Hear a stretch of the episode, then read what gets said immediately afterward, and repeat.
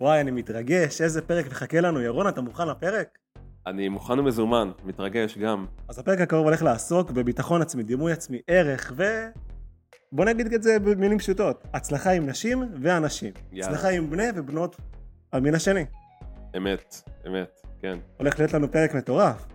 אה, אני מקווה, כן, כן. אני בטוח. אני מתרגש, אני איזה כיף זה מצפה להתרגש. לזה. אז בואו רגע נדבר על זה בצורה מאוד פשוטה. בואו נציג את הבעיה. קודם כל הבעיה לדעתי שה- שהדור שלנו חווה, היא שיש לנו קושי ביצירת מערכות יחסים משמעותיות עם המין השני. למה זה קורה בכלל? איך פותרים את זה? ו... רגע, אבל לפני שנתחיל, בוא כן. תציג את עצמך. נעים מאוד ירון, מה שלומך? נעים מאוד, נעים מאוד. אני ירון, אז אה, אני בן 33, ובעצם כבר כמעט ב- בעשור האחרון, אה, למעשה יותר, העשור האחרון זה כאילו פורמלית, אה, רשמית, בצורה של עסק.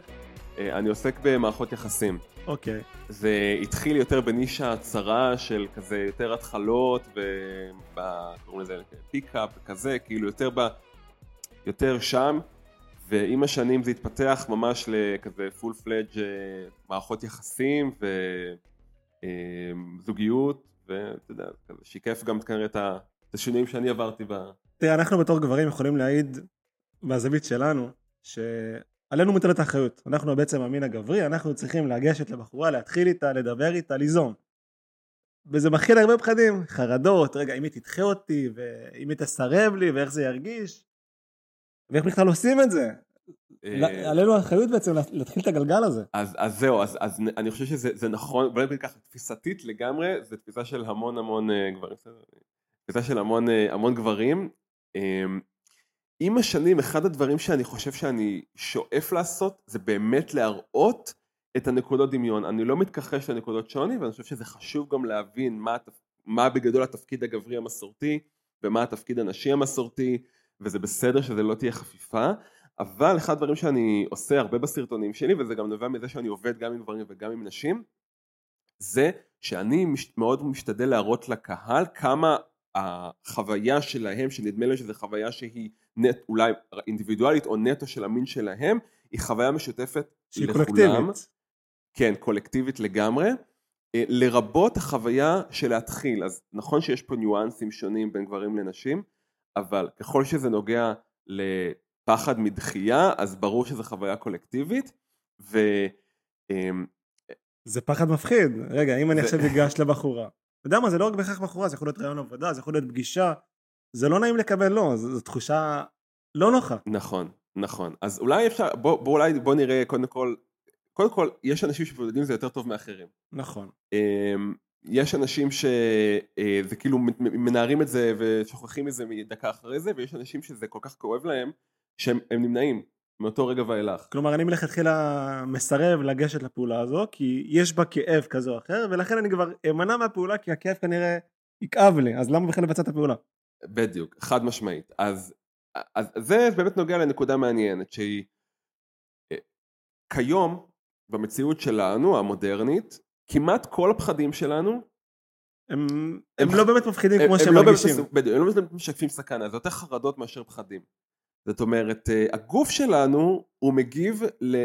כיום למעשה לבן אדם המודרני, כמעט לכל אורך חייו, לא ישקפו לו כמעט סכנות. אנחנו לא, פחות מדברים על סכנות, אנחנו יותר מדברים על סיכונים. אנחנו מנהלים את הסיכונים שלנו בחיים. כי אתה לא תלך ברחוב ויטרוף אותך אריה כנראה. חד משמעית, בדיוק. העידן הזה שבו בן אדם צריך כל יום, הוא קם בבוקר והוא לא יודע אם הוא יסיים את היום, כי או שבאמת יטרפו אותו, או שלא יהיה מספיק אוכל, או שלא יודע- לא יודעים מה, או שיבוא שבט אחר ותהיה, כן, ויהרגו אותו.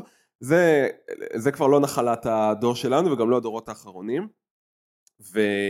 אבל... ה- הפחד הזה נשאר. אבל ה- התגובות, בדיוק, המוח שלנו הוא עדיין עסוק בלמצוא מה מסוכן, בלאתר סכנות. המטרה בעצם הגדולה היא להגן עלינו מפני סכנות. נכון, נכון מאוד, ו, אה, וככה בעצם, אז ככה הגוף שלנו מגיב, הגוף שלנו מגיב לבחורה יפה, בעצם זה כאילו אבסורד לומר, אבל זה לא לגמרי אבסורד, אם מבינים איפה זה מגיע, כאילו זה מסוכן. כאילו זה, כאילו היא מסוכנת, כאילו אבל זה יש... לא באמת נכון. זהו, אז, אז זה תלוי איך אתה מסתכל על זה, כי אתה אומר, אוקיי, הפחד הזה מדחייה, אם זה לא, אם לא היה בזה משהו אמיתי, אז זה לא היה קיים בנו, אז מה, למה, כי הפחד מדחייה זה כן משהו אבולוציוני, זה לא משהו שהוא קיים עכשיו, תמיד היה, ואנחנו יודעים ש... זאת אומרת, אה, כאילו אם אתה מסתכל על זה מזווית של פסיכולוגיה אבולוציונית אז אתה יכול להבין למה זה קיים כי אתה, בן אדם בלי השבט שלו הוא ש, מש, משול למת. הוא בודד. הוא, בדיוק, אתה, אם אתה בודד בסוואנה אתה, אתה לא יכול לשרוד, אתה חייב אה, להיות... קהילה, להיות חלק להיות ממשהו. חלק, אתה חייב להרגיש שאתה חלק.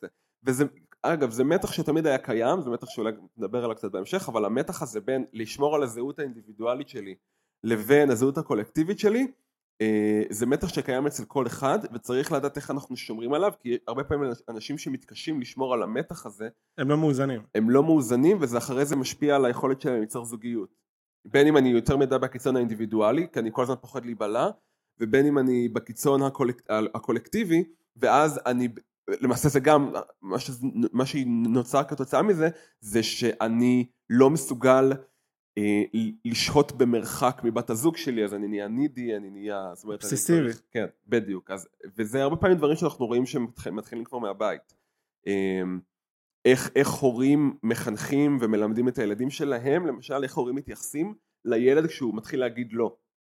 יש המון פתולוגיות שנוצרות בתקופה הזאת בסביבות גיל שנה שנתיים כשילד מתחיל להגיד לא אה, להורים יש תפקיד מאוד חשוב שם באיך הם מתייחסים לעובדה שהילד מתחיל, כשהילד אומר לא זה בעצם העובדה שהוא מתחיל להיות מודע לזה שהוא נפרד מהעולם. כשילד אומר לא הוא בעצם לומד מה הוא כן ומה הוא לא, זה, זה, זה תהליך מאוד חשוב. אה, ויש הורים שמתקשים עם זה, קודם כל כולנו קשה לשמוע לא, אז גם כשאתה זה הילד שלך והוא בן שנתיים ואתה בן מבוגר. עכשיו לשמוע לא זה דבר מאוד חשוב. לקבל נכון, סירוב זה דבר נכון, שהוא יקרה ו... כל היום, נכון, כל יום, כל היום. לגמרי, ואם הורים מסוגלים, מראים לילד שהם מסוגלים לקבל את הלא שלו וזה לא big deal, הוא לומד מזה המון. הוא לומד מזה בעצם שני דברים מאוד מאוד חשובים.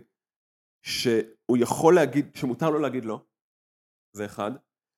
שתיים. שאין לזה השלכות. בדיוק, שאין לזה השלכות על הקשר, שאתה יכול, יכול להיות נפרד ועדיין להיות ביחד. כי ילדים שיש הרבה נשים שמגיעים אליי אחרי זה לאימון. ובעצם האמונה שלהם, ואפשר לפעמים לאתר את זה לילדות, לא תמיד אנחנו יכולים להגיע לשם, אבל האמונה שלהם היא שאם אני אגיד לא, לא יאהבו אותי. חתיכת משפט. כן, אם אני אגיד לא, אז ייפרדו ממני. יש לנו פה אתגר, אני, אני גם מנסה רגע להבין מאיפה האתגר.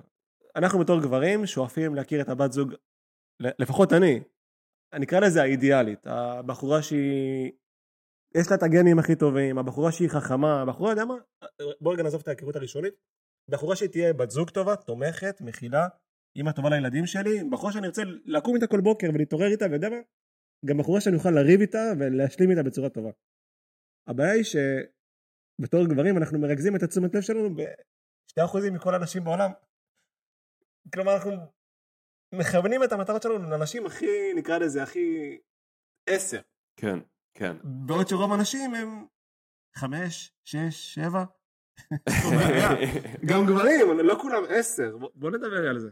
תשמע, אמ, אתה יודע, אני מוכרח להגיד, אני חושב שאני, אני מאוד מזדהה עם מה שאתה אומר, אני חושב שזו הייתה מנת חלקית, אתה יודע, אולי עד היום, כלומר היום אני נשוי אז אני כבר לא חווה את זה, אין לדעת איך הייתי מתנהל היום אם, אם לא הייתי בזוגיות, אבל uh, um, אני יודע שאני um, כנראה לא כיוונתי לבחורות הנכונות עבורי או לבחורות המתאימות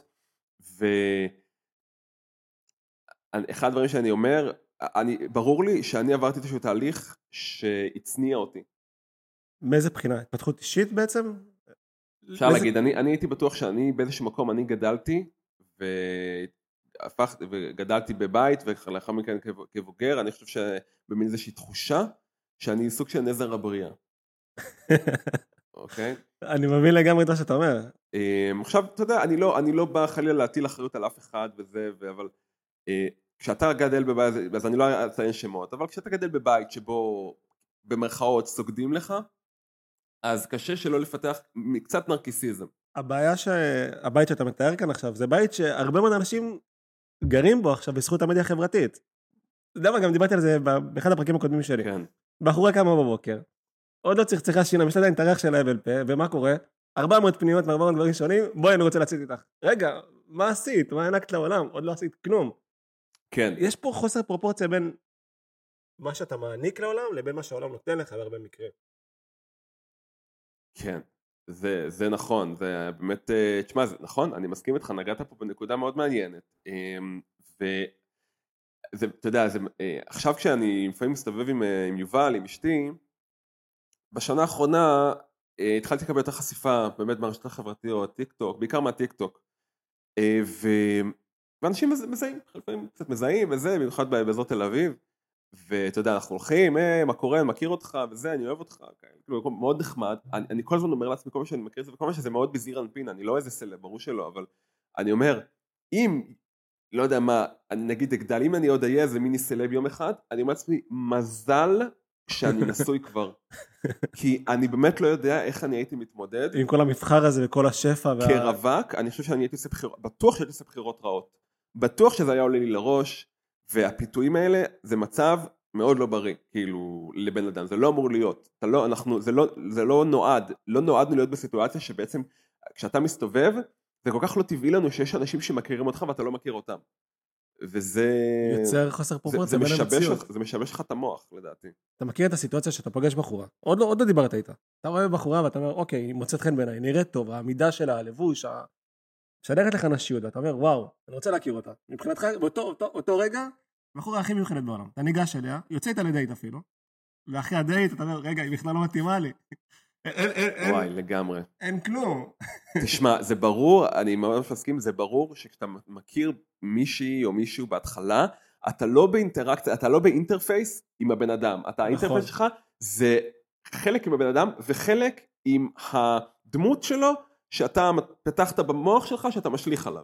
כלומר, אתה שם אותו, אותה, אותו, אותה באיזושהי קובייה, כנראה שהבן אדם הזה שייך לקבוצה הזו, כנראה שהוא מעניין, כנראה... לגמרי. מסיק מסקנות. לפני שאתה בכלל דיברת את זה, זה מתחיל כבר כשאתה מסתכל עליו באינסטגרם, אתה כבר, ואני רושם בדיוק השבוע, אתה כמה, כמה אמרו לי, אני כבר מתחיל לפתח, ממש מתחיל לחשוב קדימה, אני כבר רואה את עצמי מתחתן איתה, לפני שיצאתי לדייט, אני כבר רואה את עצמי איך אנחנו מתחתנים, למה? כי כביכול ענה לי על כל, ה, על כל הצ'קבוקס, אז כן, היא כאילו נראית לטעמי, והיא משכילה, והיא מה, מהאזור הנכון, והיא מה... כאילו, הכל, אז, אז אתה מתחיל, אתה מתחיל ממש להיאחז בדמות שלה, ועוד לא, אין לך בכלל את ההיכרות עם הדמות. בדיוק, ואין לך היכרות עם הדמות, ואתה... אז, אה, אז זה, זה בעיה, ו... כן, וזה גורם לנו... ואחד הדברים ש... אתה יודע, אחד הדברים שזה, שנוצרים כתוצאה מזה, זה שלפעמים פרדות, אחד הדברים ששמו לב אליו זה שפרדות אה, אחרי נגיד חודש או חודשיים שיצאת עם מישהי, או עם מישהו, הן הרבה יותר כואבות מפרידה נגיד של קשר של שש שנים. באמת? כן, הרבה יותר כואבות. דווקא מהצד שלי זה נשמע מאוד מאוד קל. טוב, עוד לא ביססנו קשר, אין עדיין משמעות.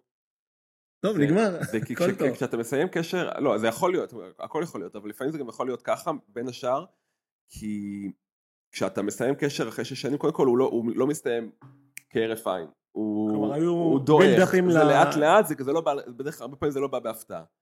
אה, ושנית, אתה לא, אתה לא שרוי בתוך ההתאהבות והסוג של הסגידה לצד השני, כלומר אה, בתחילת קשר, אה, בסיבה שהרבה פעמים פרידה בהתחלה היא מאוד כואבת, אתה לא נפרד מהבן אדם כמו שאתה נפרד מהחלום, מהרגע שנוצר אצלך. מהרגש, מה, מהחלום שכבר בנית סביב הבן אדם הזה, אתה כבר, אתה יודע, התחלת לחשוב על וואי, איך אנחנו נהיה ביחד, ועכשיו אנחנו נבלה את החורף, וימי שישי אנחנו נראה את הסרט ביחד במיטה, ו... ואז בום, הכל התנפץ, וזהו, ולא וזה, לא היה לך וזה משום. מקום, מישהו לך ככה הודעה, תשמע זה פחות מתאים לי, זה, זה, כן, זה נורא נורא נורא כואב לאנשים. אמ, אז יש איזה ככה, זה פרדוקס מעניין בקטע הזה, אבל זה באמת נובע מזה שאנחנו אמ, לא, לא, לא, לא חווים את הבן אדם, אז, אז אני חושב שזה מה שצריך לעבור, אני גם, אני, זאת אומרת, אני גם חוויתי את זה, אולי עם כל אחת שיצאתי איתה, וצריך אה, סבלנות ואורך רוח, ולא להיות פזיזים, ו... אני אומר לעצמי, איך עכשיו בעולם שאנחנו נמצאים בו, אפשר להכיר אנשים. רוב הבחורות שאני פוגש אומרות לי, תקשיב, עדי, כבר לא מתחילים איתנו פנים מול פנים, אין, נעלם, כל התקשורת היא בהודעות, במדיה החברתית. עכשיו, זה, לדעתי, זה הרבה יותר קל להכיר מאחורי מקלדת, אתה פשוט שולח הודעה, אין פה רגשות, זה מאוד מאוד קר. מצד שני, להכיר פנים מול פנים זה דבר שיוצר כימיה, זה... אתה תוך שבריר שנייה יכול לדעת האם אני רוצה להמשיך את השיחה או לא רוצה להמשיך את השיחה. אז למה גברים לא ניגשים יותר עם בחורות? איך זה הגיוני? אז, אז אני חושב שזה מאוד אה, הגיוני שאתה תשאל את זה, ו, ו, זאת אומרת, אני, תשמע, אתה, איך שאני חווה אותך, ואתה גם עושה את הפודקאסט הזה, אז אתה כנראה נינוח עם אנשים ויש לך את, את הסקיל הזה. אבל זה לא תמיד, זה, אתה מפתח את זה. את- נכון, אני מסכים איתך חד, חד משמעית, אני חושב שאחד האתגרים ה- הייחודיים שבפיתוח מיומנויות חברתיות שאולי זה שונה ממיומנויות אחרות נניח, אתה יודע, מה ההבדל בין זה לבין לפתח מיומנות בחדר כושר ולפתח את הטכניקה שלך ולהשתפר, זה שפה בדרך כלל רוב האנשים לא פוחדים ללכת לחדר כושר. זה לא מלווה פחד, אוקיי זה כן, זה דורש משמעת עצמית וכולי, אבל אה, אתה לא, אתה, זה לא כל הזמן, לא כל פעם שאתה יוצא מהבית זה מלווה בתחושה של התגברות על חרדה מאוד קשה ולפעמים זו חרדה סופר קשה נכון. אה, ובעוד שבמיומנויות חברתיות ובפרט בתחום הרומנטי זה באמת אה, זה ככה זה מלווה, מלווה בחרדה וזה כל אינטראקציה יכולה להיות מאוד מאוד מעיקה אתה יודע אני זוכר ש... כשאני רציתי אני, אני הבנתי מה שאתה אומר בדיוק אני הבנתי גם בסביבות גיל 19 אני כל השנים הייתי ספורטאי מה שאני ילד אז הקונספט של אה, אימון זה חלק מה, מהתפיסת העולם שלך בעצם. חד משמעית, אני ראיתי איך uh, בגיל 14, 15, 16, uh, העובדה שאני התאמנתי כל יום, זה היה פעמיים, שלוש, ארבע יותר מחברים שלי לכיתה נגיד, לא, לא, השת... לא הייתי איזה ספורטאי מטורף, לא השתבחתי בגן עם זה, אבל ראיתי איך זה נותן לי אדג' על החברים שלי, uh, רק מכיוון שאני פשוט מתאמן יותר, אז, אז זה, היה לי, זה היה לי מאוד ברור אינטואיטיבית שיש משהו, שאימון עובד, שהתמדה עובדת, ואצלי נוצר, נוצר switch ברגע שהבנתי שאותו דבר אפשר להחיל. זאת אומרת, אני לא הכרתי את התחום של האימון coaching, okay. אני אוקיי. פשוט אה, דרך ספרים וזה פתאום הבנתי שוואלה, כשם שאפשר להתאמן בחדר כושר, אפשר להתאמן גם למיומנויות חברתיות ובפרט עם נשים, עם, ואני, הייתה לי תחושה שאני אדע לעשות את זה אם אני רק אדע על מה להתאמן. כי זה הקונספט... דורש התבוננות עצמית, להבין מה אני עושה לא בסדר, לקחת אחריות. נכון, הקטע הוא שהקונספט של תקשורת עם בחורות היה נראה לי מאוד אמורפי, זאת אומרת אני לא, כשהסתכלתי סביבי וראיתי חברים שלי שכביכול אמרתי וואלה הם חברים שלי אנחנו פחות או יותר אותו דבר אנחנו גם חכמים אותו רמה נראים אותו דבר כאילו אותו, אמרתי אותה, אותה סביבה. אותה, כן אותה סביבה פחות או יותר אותה איכות כאילו אמרתי למה הוא יש לו חברה למה הוא כאילו יוצא עם נשים למה למה לי לא זה מאוד מאוד כאב לי כאילו במיוחד שאני מגיל אפס פמפמו לי שאתה מלך העולם. שכל הבחורות ירצו אותי. זה היה רעיון שבאמת זה היה גמילה מבחינתי, אני שמח שלפחות בשלב מסוים הבנתי ש... אוקיי, שזה לא, זה לא מה שאמרו לי והבנתי את זה למזלי אוקיי בגיל 19-20 ולא יותר מאוחר אבל עדיין זה, זה משהו ש... אוקיי ניסיתי להבין אז מה קורה שם למה מה, מה יש בתקשורת עם איפה בנות הפערים הללו בעצם? וברגע שהצלחתי לפרק את זה הבנתי אוקיי זה, על זה זה יושב אז פשוט יצאתי יצאתי אה, הייתי בבסיס פתוח אז יכולתי לצאת מדי ערב ויצאתי ו- ו- ותרגלתי את זה. וזה בהתחלה מכיוון שאני גם באישיות שלי אני יחסית מופנם כאילו היום אנשים לא תמיד חווים אותי ככה בטח כשאתה רואה אותי רואים אותי בסרטונים אבל גם כאילו בעבודה אז אני מלמד אנשים ליצור מיומנויות חברתיות אני לפעמים יוצא איתם לשטח וזה אז כאילו זה לא חווים אותי ככה אבל אני באישיות שלי ב- בליבה אני מופנם. כלומר הקור שלך הוא קור מאוד מאוד אה, מופנם, אה, כנראה שקשה לך, היה קשה לך בהתחלה לצאת מאזור הנוחות, אבל תרגלת ותרגלת ותרגלת והפכת את זה למשהו שהוא כבר חזרתי. נכון, נכון, אמ, אבל הקטע הוא שלמה אני אומר, ש- למה ציינתי שאני מופנם? כי זה היה לי בהתחלה מאוד מאוד מתיש. הייתי חוזר הביתה מותש מה, מהדברים, זאת אומרת לדבר עם אנשים, לדבר קבוצה של אנשים, קבוצה של שתי בנות, שני בנים, כאילו אתה... הייתי, אוקיי, הייתי עושה את זה, אבל כשהייתי חוזר הביתה, אחרי איזה שעה, שעתיים כזה בפאב, וואו, כאילו... כי מה, כי זה, זה פשוט דורש פוקוס ו- וריכוז. תראה, כי קודם כל, אנשים, ההבדל המהותי בין אנשים מופנמים לאנשים מוחצנים, זה ממה הם מה מניע אותם? מה ממלא אותם באנרגיה. אנשים מוחצנים, מה שממלא אותם אנרגיה זה אינטראקציה עם. אנשים. בדיוק, זה תשומת לב. אנשים מוחצנים הם בדרך כלל מסמר, מסמר הערב, הם המקובלים בכיתה, הם אוהבים הרבה תשומת לב, הם, הם, הם צריכים, קשה להם נורא לשבת בבית לבד, הם כל הזמן צריכים סביבם אנשים. אני, מה ש... אני למדתי להתמלא גם מאינטראקציות חברתיות, אבל אני חושב שבליבה שלי, אני, מה שממלא אותי זה זמן לבד, אני חושב דווקא שזה הרבה יותר יפה. כלומר, מהזווית שלי, אתה אומר לעצמך, אני אוהב אנשים, טוב לי עם אנשים, אבל גם אני אוהב את הזמן שלי לבד. כלומר, אני לא זקוק לוולידציה מהסביבה שלי כדי שיהיה לי אושר, כדי שאני... כלומר, גם עכשיו אם אני אהיה לבד, ואני אהיה בבית, אקרא ספר, אבשל, טוב לי, הכל בסדר, החיים שלי טובים. קודם כל אני חושב שאני לא בטוח שזה אחד גוזר, אחד נגזר מהשני, זאת אומרת, אוקיי. אה, יש הרבה מאוד אנשים מופנמים שמרגישים מאוד בודדים, אוקיי. זה לא בהכרח קשור, אבל אני כן חושב שמה שזה כן קשור זה שלמשל, איך ש... מה שאני הכי רוצה לעשות כשאני מסיים לעבוד, או, ב... או נגיד ביום שישי כשאני לא עובד, זה לצאת עם הכלבות שלי לטבע, לשים אוזניות, ולהיות. בדיוק, להיות בטבע. ואם, כנראה שאם הייתי מוחצן, אה, הייתי מוצא פעילות אחרת, יותר חברתית, שבה אני, שבה אני מתמלא. אה, וכשאנחנו מדברים על נגיד התאמה בין גברים לנשים, בזוגיות וכולי, אחד הדברים שאני חושב שכנראה צריכה להיות התאמה בו, ושאם אין, אין התאמה זה יוצר בעיות, זה ברמה הזאת של איפה אתה על הציר הזה של מופנמות מוחצנות.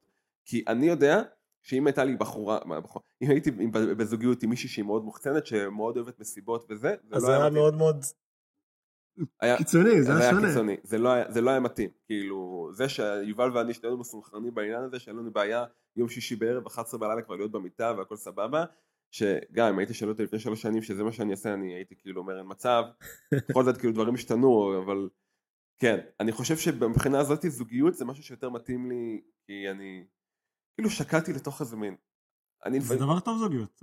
זה דבר טוב, אני גם לפעמים חושב על לעצמי, אני פשוט לא הזדקנתי, אבל... לא, לא הזדקנת. אם אתה עוד לא שותה סודה, אתה בגיל הנכון. אני לא שותה סודה. אתה לא? אז אני התחלתי בגיל לא שותה 25. קפה, כמו שאמרתי.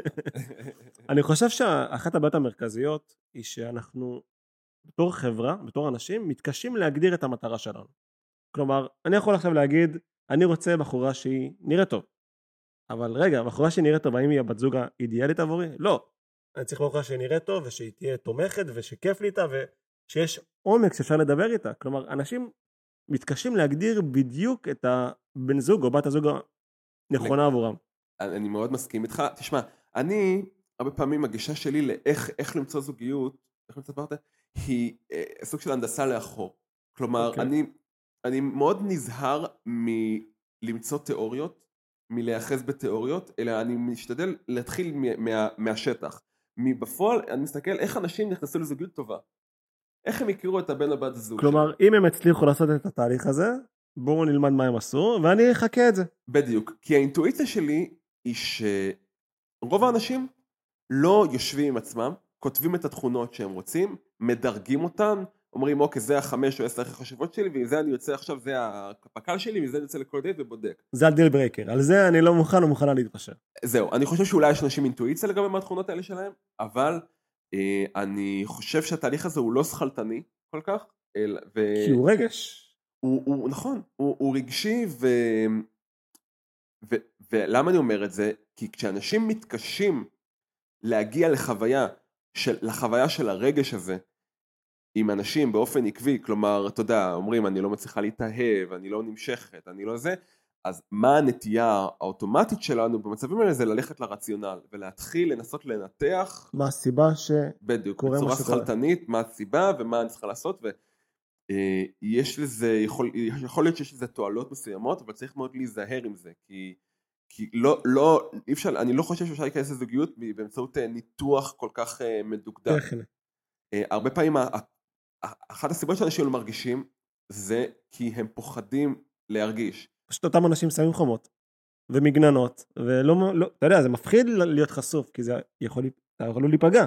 חד משמעית. אז אתה שם חומות כדי להגן על עצמך מהפחד להיפגע, ואז אף אחד לא מכיר אותך וזה לא אותנטי. ו...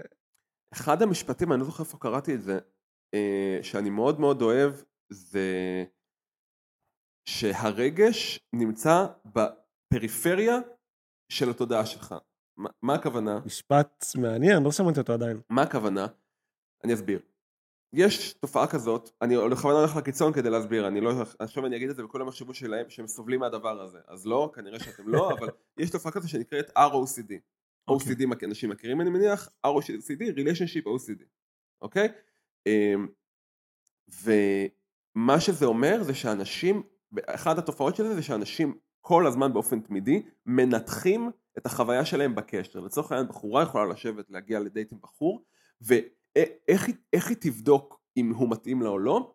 היא תנתח האם היא צוחקת מהבדיחות שלו וכמה היא צוחקת וכמה הוא מדבר איתה והיא היא כל הזמן היא תהיה במין מעקב כזה סביב הרגשות שלה. עכשיו מה הבעיה עם זה? שהיא כל הזמן דרוכה, והיא מריצה סרטים בראש. נכון, נכון, אבל היא בעיה נוספת היא שכשאתה מנסה לבדוק כל הזמן מה אתה מרגיש ולמדוד את זה, אתה- האם אני נמשכת אליו או לא, אתה לא יכול, אתה לא יכול להרגיש את זה. כי מה- כי מה, כי אתה פשוט כל הזמן עסוק בלהתעסק בזה? בדיוק, כשאתה, כשאתה עסוק, כשאתה ממקד את התודעה שלך על האם אני מרגיש עכשיו משיכה, אתה לא תרגיש את המשיכה, כי אתה, אתה, מחפש משהו אתה, ש... אתה מחפש, כי, ה, ה, כי הרגש נמצא, כשאתה מתמקד ברגש אתה לא מרגיש אותו, הרגש נמצא בפריפריה של התודעה שלך, זאת אומרת הוא נמצא כאילו, הוא נמצא כשאתה לא בדיוק חושב על זה, אתה לא מנסה לנתח את זה רציונלית, אז כשאתה מפעיל את החלקים המאוד שכלתניים במוח שלך, אז אתה לא אתה יכול, מזה, אתה לא פנוי להרגיש. יש פה מכשול, אה, בדיוק, אז זה לשחרר פה- שליטה בעצם. בדיוק, אז, אז, אז אנשים, אז אני אומר, אז אנשים נוטים, במיוחד אנשים שמתקשים להרגיש, הם נוטים לגשת לזה במקום מאוד שכלתני, ולכן צריך להיזהר עם זה, אפשר להיעזר בשכל, ואפשר לגשת לזה יותר בצורה רציונלית, להבין אוקיי, מה הערכים שלי ומה חשוב לי, אבל הרבה פעמים המחסום הוא פשוט, אוקיי, בוא נצלול למים ובוא נזרוק את עצמנו למים באיזשהו מקום, כאילו אני חושב שאין מנוס מזה. אתה יודע, אני שמתי לב לתופעה מעניינת אצלי, שנראה לי 100% מהבחורות שהתחלתי איתן, באיזשהו מקום הם יזמו את הפעולה של, של זה שאני ניגש אליהן. עכשיו, רוב הבחורות שמאזינות לנו וצופות בנו כנראה לא, לא מבינות את מה שאני עכשיו הולך להגיד ונעשה את זה פשוט. כשגבר ניגש לבחורה הוא צריך שהיא תזמין אותו באיזשהו מקום. כלומר שהשפת גוף שלה תהיה פתוחה, שהיא תחייך, שהיא, שהיא לא ת... כלומר אם עכשיו בחורה תשב ככה, למה שבכלל גבר ירצה לגוש... לגשת אליה? אבל אם בחורה תשב בצורה נעימה, פתוחה, מחייכת, ברור שתרצה לגשת אליה. אתה סקרן, אתה... מי זאת הבחורה המחייכת הזאת? בול, בול, אני מה זה מסכים איתך ואני, אחד הדברים שאני כל הזמן אומר ל... למתאמנים הגברים שלי זה הם, בוא, נ... בוא ניקח שוב מקרה של גבר שמאוד מתקשה, נגיד יש לו חרדה חברתית, אוקיי? אנשים עם חרדה חברתית באיזשהו מקום האמונה שלהם היא אני מפריע, או האמונה, אה, יש להם אמונה מאוד חזקה שידחו אותם, שהם לא רצויים, אוקיי? ולכן הם בכלל לא לוקחים בחשבון את האפשרות שהבחורה תרצה להיות באינטראקציה איתן, תהיה מעוניינת ותקדם את השיחה בעצמה. אז אחד הדברים שאני כל הזמן מזכיר להם זה אוקיי, ניגשת, אמרת שלום, חייכת, נוצר קשר עין, אם הבחורה לא איתך, מה שהם עושים נגיד, הבחורה יכולה להסתכל בטלפון וכאילו, אתה יודע, היא כאילו תנסה לנפנף אותם בעדינות כזה, והם לא יקלטו את הרמז, ואחת הסיבות שהם לא קולטים זה כי הם לא חושבים שבכלל יש אפשרות אחרת, זאת אומרת מבחינתם זה ברור שהבחורה לא תהיה מעניינת, הם, הם לא, הם, הם אומרים לעצמם אבל אני לא מעניין. אז אם אתה לא מעניין איך אתה מצפה שהבחורה תתעניין בך? נכון, יש נכון, פה מכשול. נכון, הם נורא נורא רוצים לגשת. אתה יודע, אתה לא יכול, באיזשהו מקום אתה לא יכול לחכות שאתה תהיה לך איזה קונביקשן, איזה אמונה נורא חזקה שאתה מעניין, כדי, כדי להתח- לעשות את הצעד הראשון להתחיל עם בחורות. זה ברור שבהתחלה אתה להתחיל עם בחורות גרוע. כאילו אתה לא יכול להתחיל עם בחורות אם אתה לא עושה את זה אף פעם ולהתחיל טוב. בהתחלה אתה מתחיל גרוע. נכון. מצד שני אתה יכול להגיד לעצמך, אוקיי, אם אני רוצה להכיר בחורה מעניינת, אולי כל מה שאני צריך לעשות זה קודם כל להפוך להיות מעניין בעצמי, אולי ברגע שאני אהפוך להיות מעניין בעצמי, ברגע שאני אעשה צעדים כדי להפוך להיות אדם טוב יותר, אז אוטומטית אני אוכל למגנט אנשים ונשים מעניינות יותר, כי זה כזה פשוט. אתה יודע, בן אדם חכם אמר לי לא ממש לא מזמן, כל בן אדם הוא סיפור. נכון. ממש לפני שהתחלנו את הפודקאסט. אז אמרתי לך, אז אמרתי לך, בוא נדבר על זה, כי אני מאוד מסכים איתך. כל בן אדם הוא סיפור, וכשאנשים חושבים שהם לא מעניינים, ויש הרבה כאלה שאני עובד איתם שהם חושבים שהם לא, לא מעניינים או לא מספיק מעניינים, קודם כל נעשה איתם תרגיל. אוקיי. הבן אדם אומר, אני לא מספיק מעניין, אני אומר לו, אוקיי, לא מספיק מעניין, זאת אומרת, נשמע ממה שאתה אומר, מהמושגים שאתה משתמש בהם, שיש רף. שאתה לא עובר את הרף של המעניין, זאת אומרת, אתה לא מספיק מעניין, כנראה אתה מעניין במידה, אבל יש איזה רף שמעליו אתה תהיה מספיק מעניין. כלומר אתה מעניין באיזושהי מידה מסוימת, אבל אתה לא מעניין כמו שהיית רוצה ו- להיות. בדיוק, אז בוא נשאל, בוא נשאל אותך, מה, מה הרף? אני רוצה לשאול אותך, מה הרף שמעליו זה? ואז הוא יגיד, לא יודע, אני לא טסתי מספיק, אני לא, לי, אני לא עובד בעבודה מספיק, אני לא זה. אוקיי, סבבה, אז בוא, בוא עכשיו בוא נבחן רגע מה שאתה אומר, אוקיי? כי אני, ההנחה שלי, וזה מה שאני רוצה לשקף לו, זה שבעצם הוא מציב פה סטנדרט כפול. סטנדרט אחד לעצמו, מאוד מאוד מחמיר, וסטנדרט אחד לזולת, בין אם זה לנשים או לגברים אחרים. זאת אומרת, לא תרגיל, אני מסתכל סביבך על אנשים שהם בזוגיות. אוקיי, כולם אה, טסים ל-50 יעדים בשנה ועובדים בעבודה המעניינת הזאת שאתה חושב? התשובה היא ברור שלא. התשובה היא כמובן שלא. אוקיי, ואז הוא ינסה למצוא כל מיני, אתה יודע, ינסה ל- to- poke, למצוא אה, למצוא חורים בתיאוריה של... ואז הוא יבין שהאמונה הזאת היא רק אמונה שהיא לא משרתת אותו. לגמרי. עכשיו, זה עוד יותר, זה עוד יותר בולט כשאני שואל אותו, תגיד, והבחורה הזאת שאתה מדבר איתה, אוקיי? מה אתה חושב שהיא, אתה, למה אתה מתעניין בה כי היא טסה ל-50 יעדים ושהיא עובדת באיזו עבודה מטורפת כי היא איזה מנכ"לית של איזה סטארט-אפ מטורף? לא, כנראה שלא, וגם אם כן זה לא הסיבה שבגללה ניגשת אליה, אוקיי? כי אתה עוד לא הכרת אותה אתה בכלל. עוד לא הכרת אותה, היה יש בזה משהו שמעניין אותך, זה בסדר, אוקיי? ועכשיו אז אני אומר, בדיוק, אז למה, אז אתה שם לב שאתה מציב פה סטנדרט כפול? אוקיי, יופי, אז בוא נתחיל לחשוב רגע, אם ככה, להבין אז איך אנחנו מנחילים בתוכך את האמונה שאתה מעניין, כי אנחנו מבינים שזה לא תלוי המציאות האובייקטיבית, זה לא שאם אתה תעשה משהו אחר בהכרח בחיים שלך, אז אתה אוטומטית תהיה יותר מעניין. אמ, יש לי חבר שתמיד אוהב לתת את הדוגמה הזאת, שאתה חושב שאתה דמות באיזה סרט צרפתי קטן, אוקיי. לו, קוראים לו שרנו, גם אולי תראיין אותו, גם בחור מעניין. בקיצור, הוא קולגה, אז הוא אומר, אתה חושב שאתה דמות בסרט צרפתי קטן? אתה, כשאתה מסתכל על הדמות הזאת של הגבר שאתה יודע, קם עובד בעבודה קטנה שלו באיזה מאפייה, וקם בבוק ואולי מאחר לעבודה ולא כזה אוהב את העבודה שלו, והוא לא, לא כזה הולך לעבודה, אתה לא מסתכל ואתה אומר, אה זה משעמם, אני לא רוצה לצפות. לא, לפעמים זה נורא מעניין אותך לראות דווקא את החיים של הבן אדם הקטן הזה, עזוב, תחשוב האח הגדול, למה אנשים שנכנסים שם כאלה מעניינים? אנשים צופים בהם. האמת שאני חושב שכשלוקחים נניח תוכנות טלוויזיה, יש ממש, בוחרים את האנשים ה... נקרא לזה הפרובת... כן. אנשים שהם טיפה שונים מה...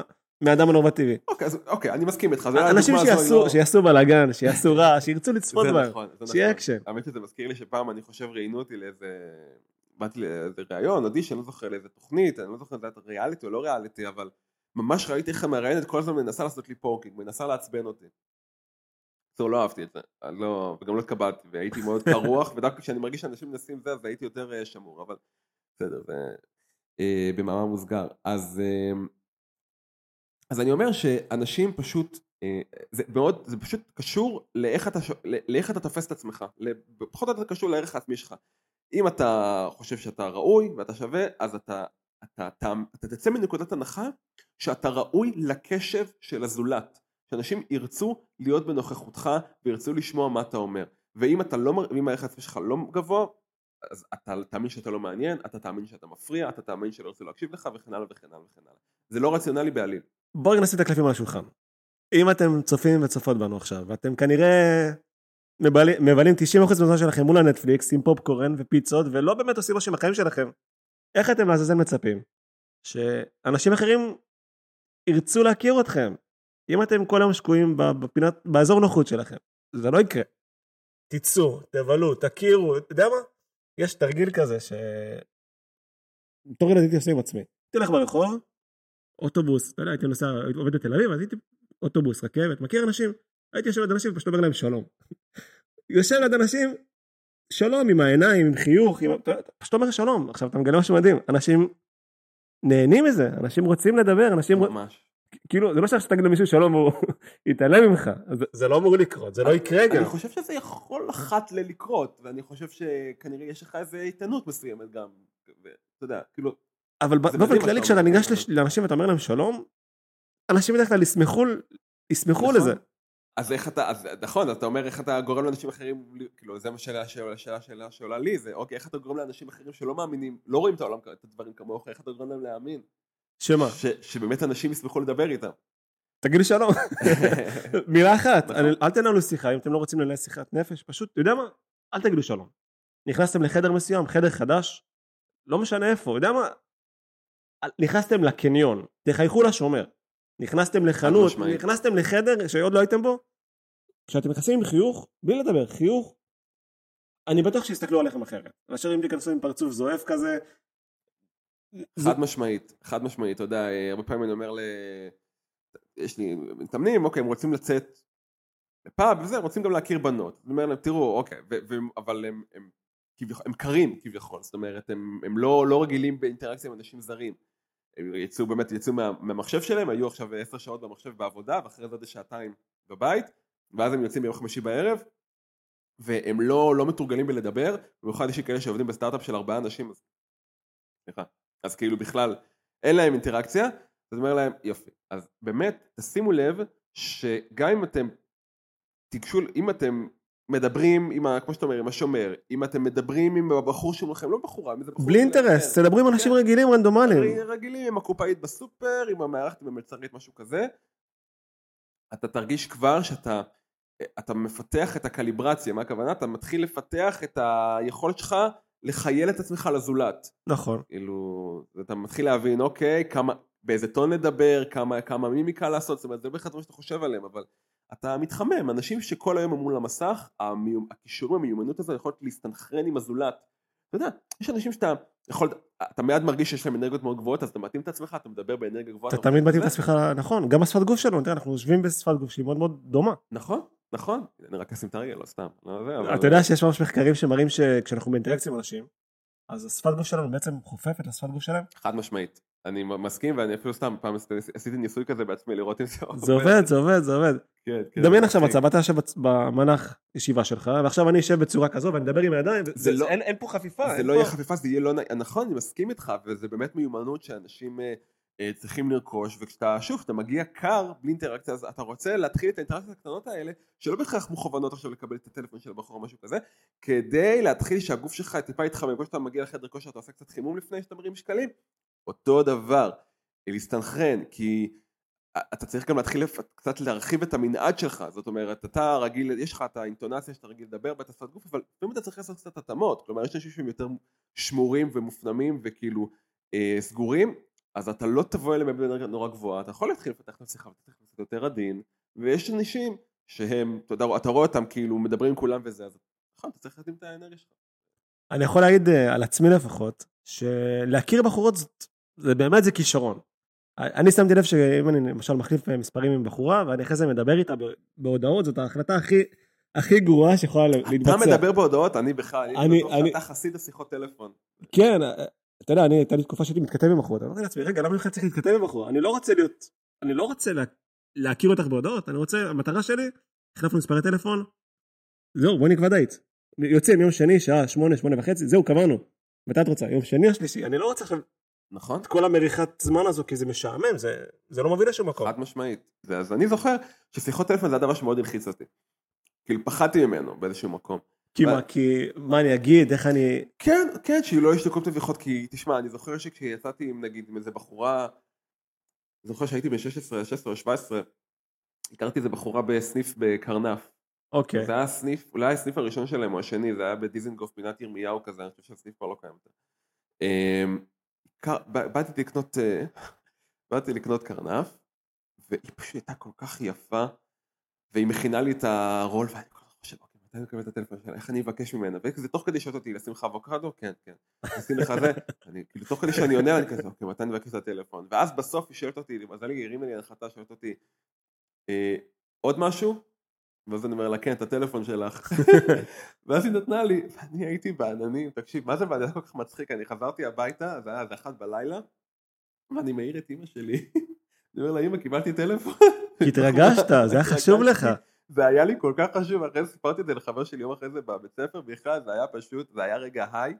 אבל למה אני אספר את זה? כי התקשרתי לאחרי זה בטלפון, ובשיחת טלפון הייתי כל כך לחוץ וכל כך לא ידעתי מה להגיד, וזה היה לי חוויה מעיקה וקשה. בסוף הגענו לדייט, אבל זה היה, וגם הדייט היה לא משהו, אבל... אה, אבל זה קורה, זה, כן. אתה לא מצפה שכל הדייטים יהיו מוצלחים. לא, נכון, ש... נכון, אבל אני אומר, מבחינתי זה היה לי, החוויה הזו ועוד כמה חוויות שהיו לי כזה כנער, חוויות שמאוד כנראה השפיעו עליי, ואמרתי אני רוצה להיות טוב בזה. כאילו טוב זה נחת מלכתחילה על מצע של כאילו אוקיי יש לי ציפייה להיות טוב בזה, אני מצופה ממני, אז איך אני, זה לא, לא מסתדר שאני מקבל טלפון של בחורה ואני מתכנן שעה לפני הטלפון מה אני הולך להגיד, כאילו זה ככה זה היה. אה, והכי מצחיק שאתה מתכנן את זה שעה ואתה מתקשר ואז היא לא עונה, אז כזה, אוקיי. אני לא בגישה כזו, אם בחורה לא פנויה לדבר איתי עכשיו, לא עונה לי להודעות, או לא חוזרת לשיחה שלי, אני בסך הכל, טוב, יכול להיות שעובר לה יום עמוס. יכול להיות שהיא טרודה במשהו, היא בעבודה, יש לה חיים, הכל טוב. או שהיא תחזור אליי, שאני אדבר איתה עוד כמה ימים, הכל בסדר, כאילו...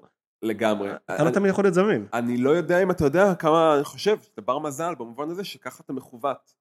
אז זה לא בדיוק עובד ככה, אתה לומד לפתח את זה. כלומר, בילדות שלי, אם עכשיו למשל בחורה לא הייתה עונה לי להודעה, הייתי אומר, רגע, וואו, היא לא עונה לי להודעה, רגע, זה אומר שהיא לא רוצה אותי? זה אומר שאני לא טוב?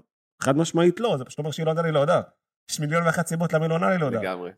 אחת הנטיות נקרא עיוות, עיוות קוגניטיבי, ב-CBT מדברים על זה. אחד העיוותים הידועים זה נקרא לקחת אישית. מה הכוונה? קורה איזשהו אירוע, מן הסתם בדרך כלל זה אירוע שלילי, כי אירועים חיוביים בדרך כלל אנשים, אה, אנחנו נוטים להזניח אותם, דווקא לא לייחס אותם לעצמנו, אבל אם קורה אירוע שלילי, אנחנו לוקחים את זה אישית, מייחסים את זה לעצמנו. היא לא ענתה לי, וואי, כנראה משהו לא, כנראה התחרטה, כנראה כשלקחתי ממנה את הטלפון אני מיהרתי מדי, כנראה, ושם אתה מתחיל בעצם להשליך את זה עליך. אה, אחד הדברים שקראתי, אני חושב שזה היה בספר... זה ארבעת הסכמות. אה, ארבע הסכמות, כן. אה, לא בארבע הסכמות, קראתי את זה בספר שנקרא Mindset לדעתי. אוקיי. כן, לדעתי זה ספר שנקרא Mindset, של בחורה בשם, לא זוכר את הדוקטור לפסיכולוגיה, לא זוכר כרגע את השם שלה, היא לדעתי יהודייה גם, והיא אומרת שמה שמאפיין אנשים מצליחים זה שכש... אני תמיד לא אוהב לקחת את זה לאנרגיה של כדורסל, כי אני אוהב כדורסל, אוהב NBA, אז אני חושב על סטף קרי, שהוא קלע שלשות מעולה. עכשיו תחשוב, הוא הקלע שלשות הכי טוב בהיסטוריה, אבל עדיין, את רוב השלשות שלו הוא מחטיא, הוא קולע ב-42 אחוז, 44 אחוז משלוש, זאת אומרת כל שלושה שנייה יותר הוא מחטיא. אז עכשיו, קלע רע, או לא קלע, אדם שהוא לא בטוח בעצמו, הוא יגיד, כל פעם שהוא, אם הוא יגיד, אני לא נולדתי לשחקן כדורסל, אין לי את זה, אני לא מספיק טוב.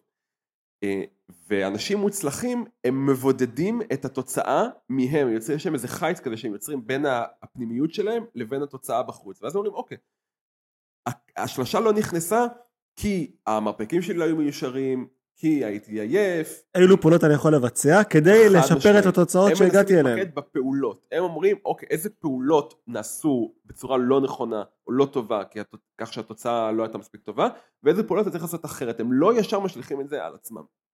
אה, אז זה הפרדה שמאוד חשוב לעשות, שאני שומע שאתה עושה אותה, וזה גם דבר שאני מאוד משתדל ללמד אנשים, זה להפריד, להפריד בין התוצאות בעולם החיצון לבין מי שאתה, וזה לא קל ולא תמיד גם, מה שצריך להגיד, צריך להגיד את זה בכנות, לא תמיד אפשר להפריד, זה, זה, זה לא תמיד ברור. יש גם לה... אחריות אישית לתוצאות שלנו. יש אחריות, חד משמעית שיש אחריות אישית, אבל צריך גם, כדאי להתחיל מה, מהפעולות, זאת אומרת כדאי להתחיל מהמקום הכי, מההיקף הכי קטן של, ה, של התוצאה. זאת אומרת התוצאה לא, לא, לא, לא, לא הייתה טובה, בוא נתחיל באמת מה, אה, אה, מהפרשנות הכי אה, סלחנית, נגיד ככה, היא הכי פחות מחמירה. לא ישר ניקח את זה לעצמנו, טוב כנראה לא נתתי לשחקן כדורסל. יכול להיות שאם תשתפר ותתאמן, תתאמן מאוד קשה ועדיין אתה לא תהיה מספיק טוב כדי להגיע לליגת העל, אז אוקיי. אבל אתה תוכל לקלוע כמה סלים. אבל אתה תוכל לקלוע, עדיין תוכל לקלוע כמה סלים ותוכל להשתפר, וזה באמת הדבר החשוב, שאפשר להשתפר.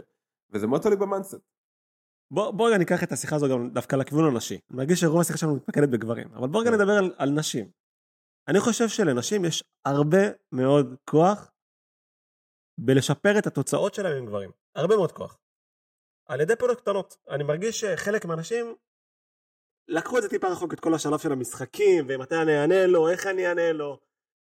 אני אומר לעצמי, אם, אם בחורה רוצה שגבר יחזר אחריה, היא צריכה פשוט לענות לו כשהיא פנויה. אל תעני לו מיידית, כלומר אם עכשיו את ליד הטלפון ואת זמינה לדבר איתו, תעני לו, הוא יעריך את זה.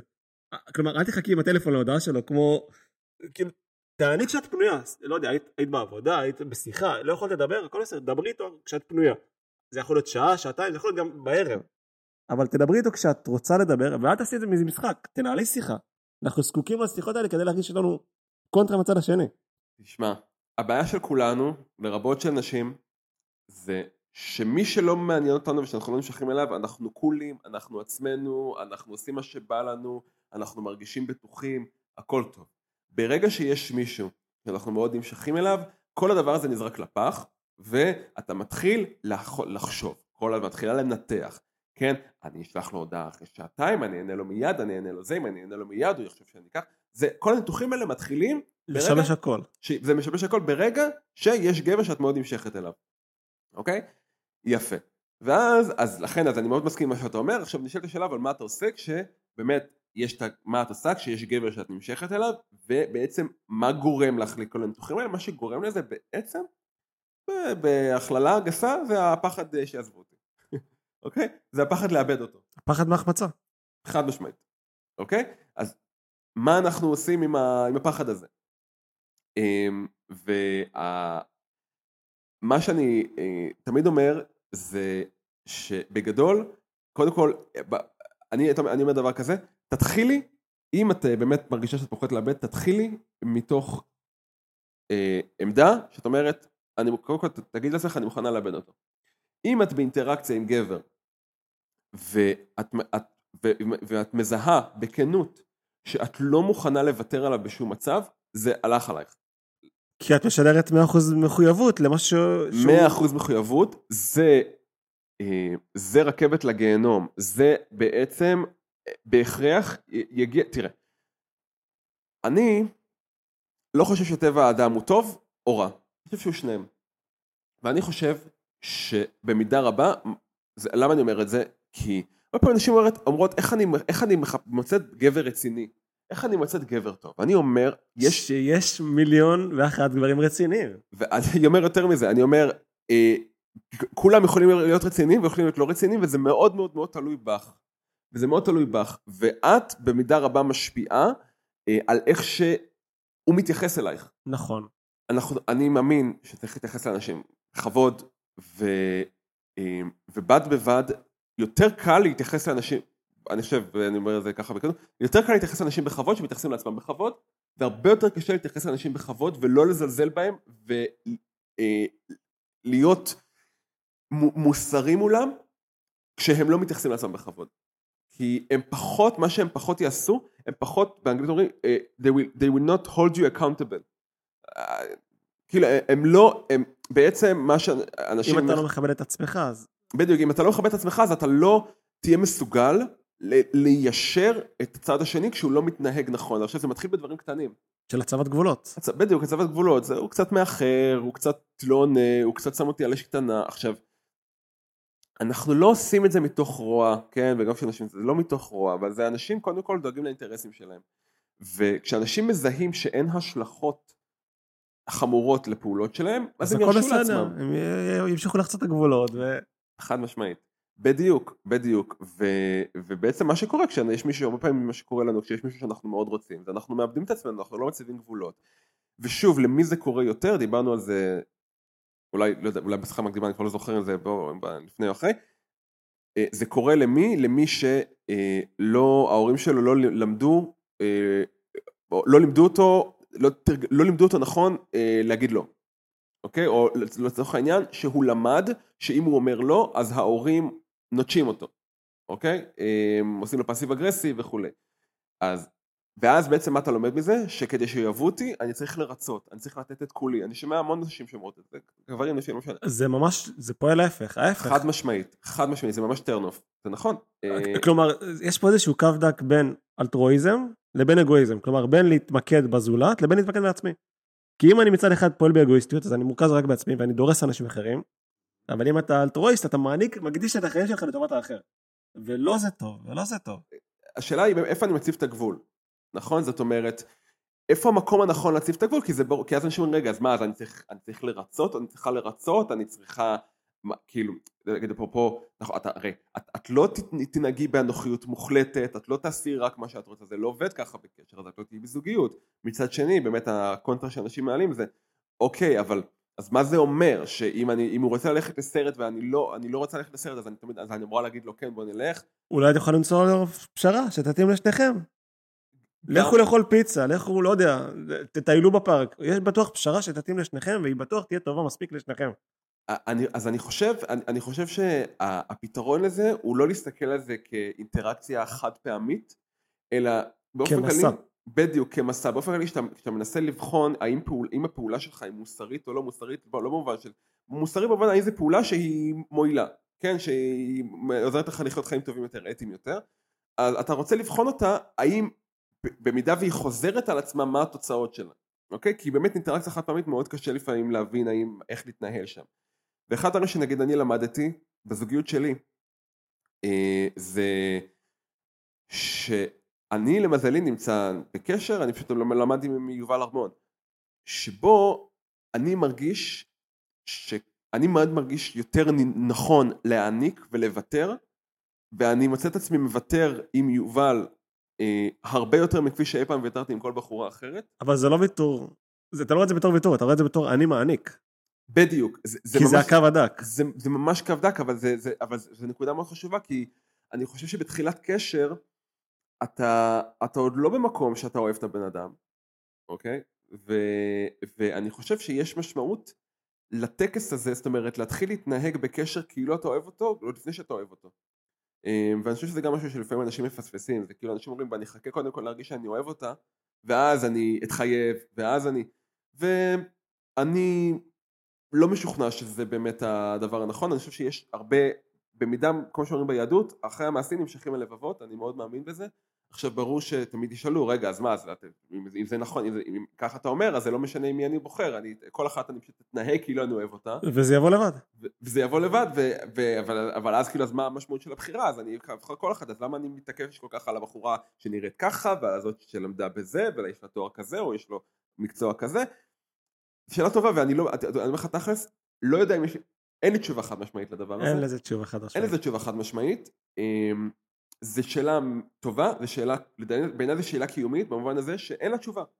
זה דילמה שכל אחד מתמודד איתה, ואני חושב שאחד הדברים שעוזרים בדילמה הזו זה להבין שלא תהיה לך בחירה מושלמת. אם אתה מצליח להשתחרר מהרעיון שהבחירה שלך תהיה מושלמת, אתה תוכל להפוך דברים להרבה יותר טובים. בדיוק, אתה תוכל לבחור ולהיות שלם עם הבחירה שלך. ואם אתה מחפש את המושלם אתה תחפש לעד. אתה יודע, אני שמתי לב שלנשים יש מלא מלא כוח להשפיע על האופן שאנחנו מתייחסים אליהם. כלומר, יש לכל בחורה את האפשרות לגרום לנו, לנו בין מצב שהיא בחורה שאנחנו לוקחים אותה לקשר שהוא, אתה יודע, סטוץ כזה חמוד, לבין מערכת יחסים. ושמתי לב שיש פעולה אחת שכל, שכל בחורה שעשתה אותו עליי במהלך החיים, השפיעה עליי מאוד. אני יוצא לדייט, ואתה יודע, אתה מחזיר את הבחורה לבית ואתה חוזר ויש לך עוד איזה חצי שעה, עשרים דקות נסיעה לבית. שמתי לב שכל בחורה שסימסה לי אחרי הדייט, הגעת לבית בשלום, זה וואו, פתח לי את הצ'קרות. רגע, היא התעניינה, כאילו, היא אכפת לה שאני מגיע לבית? יש לה תכונה מעניינת. עכשיו זה לא משנה אם הדייט היה מדהים, האם רצית אותו או לא רצית אותו, עצם העובדה שהיא התארכה. היא שלחה לך אס.אם.אס ולא... אתה אומר, רגע, יש לה פה תכונה שהיא מזכירה לי תכונה אמהית, תכונה של דאגה. אולי זה דווקא מעיד שהיא תהיה אימא טובה, בת זוג טובה. אתה מבין, זו תודה אחת. נכון. שיכולה להשפיע על כל התמונה מקצה לקצה. חד משמעית. וזה פשוט, כאילו, בחורות, תעשו את זה, תתעניינו. כן. גם אם הדייט לא היה טוב, תשלחו, יסתכלו עליכם הרבה יותר טוב, יזכרו אתכם בחוויה טובה. כן, אה, ואמרת גם עוד משהו, אתה יודע, ככה בין השורות, אמרת, כן, יש פה איזה משהו אמאי, אני חושב שרוב הגברים רוצים נשים נקביות, נשיות, כן, שנגזרת של זה גם שיש בה משהו אמאי כנראה, נכון. ברמה זו אחת, ורוב האנשים יחפשו גברים זכריים, גבריים. אתה יודע מה, יש מקרים שבאמת האישה מאמצת תכונות יותר זכריות, ויש מקרים שהגבר, תכונות, זה בסדר, אבל הנורמלי לדעתי זה שבחלק מהמקרים שיהיה את האיזון הנכון הזה. שאישה, היא, יש לה תכונות שהן משלימות לתכונות הגבריות של הגבר, זה הופך את כל אחד, עבור כל אחד מהצדדים, זה הופך את הזוגיות לחוויה הרבה יותר מלאה. מלאה, טבעית. לחוויה יותר אה, טובה, לזוגיות יותר טובה. תשמע, אני אני אומר לך, אני, אני מוצא שבאמת יש לי מזל שאתה, יובל, כן, משלימה איתי, אתה, אתה רוצה שאתה רוצה מישהו שאתה יכול להתייעץ איתו, כשאתה מתייעץ עם מישהו, אתה, לא, אתה רוצה מישהו שלא חושב כמוך אחד לאחד, אחרת אתה לא מתייעץ איתו. אתה רוצה נכון. מישהו שיכול לתת לך קונטרה, שלפעמים יכול לאזן אותך. אני יודע שלפעמים אני יכול להיות, לא יודע מה, אימפולסיבי נגיד, אני יכול לפעמים לקבל החלטות שאולי הן לא, לא טובות, ואז אני מתייעץ עם יובל, ואז אני יכול, ואז היא עושה לשנות את דעתי ואני מקשיב לה, כי אני סומך עליה, אז אני, זה מונע ממני לפעמים לעשות דברים ש... טוב, ירון, אנחנו לקראת הסוף של הפרק. בינתיים הולך נהדר והנושאים פה מרתקים. בואו ככה נעניק למ- למאזינים ולמאזינות שלנו מספר טיפים שיעזרו להם לייצר קשרים חברתיים טובים יותר עם הסביבה. זה לא בהכרח עם המין השני, זה פשוט להצליח עם כולם. מה אתה היית עושה? אז אני אגיד משהו שפתאום עולה לי, זה משהו שאני כל הזמן אומר, כל הזמן אומר ל, לאנשים, אה, אבל עכשיו אני נזכר שקראתי אותו גם איזה ספר על שפת גוף לפני איזה 14-15 שנה, אוקיי. וזה, כשאתה מתחיל את השיחה, אני בטוח, לדעתי אתה בטוח מכיר את זה ואתה בטח מיישם את זה, מתחיל השיחה, קודם כל תסתכל בעיניים, תנשום רגע, ואז תתחיל לדבר. לעצור שנייה. כן. זאת אומרת, אני חושב שאנשים, אם אתה מסוגל לשהות במרווחים האלה, אתה יוצר סקרנות. בשתיקה, אתה גם יוצא סקרנות, אבל גם, אתה יודע, אנשים פשוט הרבה פעמים מונעים מתוך פחד משתיקות. ואני חושב שאם אתה לא פוחד משתיקות, אז אתה, השיחה תהיה הרבה יותר טובה. כי אם אתה פוחד משתיקות, אתה לא תהיה קשוב לצד השני. כשהוא ידבר, אתה, אתה לא באמת תקשיב, אתה תחשוב כל הזמן מה הדבר הבא שאני הולך להגיד. גם כשאתה שותק אתה יכול להסתכל, להתבונן, האם נוח לבחורה, האם נכון. טוב לה, האם רע לה, אתה יכול ממש ל- ללמוד עליה. ממש, ממש. וככה אתה יכול לעזור לה להרגיש יותר טוב בסיטואציה. אני חושב שזה מאוד מאוד חזק, אם גבר ניגש למישהי, ופשוט מסתכל לה רגע בעיניים, יכול להגיד שלום, מסתכל בעיניים, לשתוק שנייה, ואז להתחיל לדבר, אבל זה הרגע הזה שנוצר ביניכם, בשנייה שנייה שתיים האלה של השתיקה, זה מאוד זה חזק. הקליק. ואתה יכול לקלוט עליה כל מיני דברים, כי אחד הדברים שעושים לגברים, ושהם באים כבר עם המשפט פתיחה מוכן, הם כאילו באש ובמים, זה מה שאני הולך להגיד. זה הכי גרוע שיש לה זה במשפט גרוע, כי. זה כמעט תמיד יישמע מתוסרט. כי אין סיכוי שזה בדיוק יתאים ב-100% בהלימה ל- ל- לסיטואציה זה אף פעם לא שנוצרה. יתאים. כן. אף פעם לא יתאים. אז ירון, ירון וייסברג, איך אפשר לפנות אליך? איך אפשר להיעזר בשירותים שלך? איך עושים את זה בכלל? אז, אה, אז קודם כל מוזמנים לכתוב ירון וייסברג אה, בגוגל, ואתם תמצאו אותי, יש לי אתר, ירון W, S-A-O-I-L, ואני מופיע בטיק טוק, אה, ובאינסטגרם, ירון וייסברג תעקבו, פשוט. תעקבו, אתם תהנו מכל התוכן הזה. כן, יוטיוב, פייסבוק, הכל, הכל שם. ויש גם בלוג שכתבתי ככה קרוב ל-200 מאמרים לאורך השנים, וברוך השם קוראים אותו, וגם זה באתר שלי. אז אה, לא חסרים תכנים, ומי שרוצה אז מוזמן. כל הכישורים הרלוונטיים הולכים להופיע בתיאור של הפרק. ירון, תודה רבה על שיחה מרתקת. נהניתי מאוד. ושיהיה לנו המשך יום נעים. תודה גם לך, היה ממש כיף.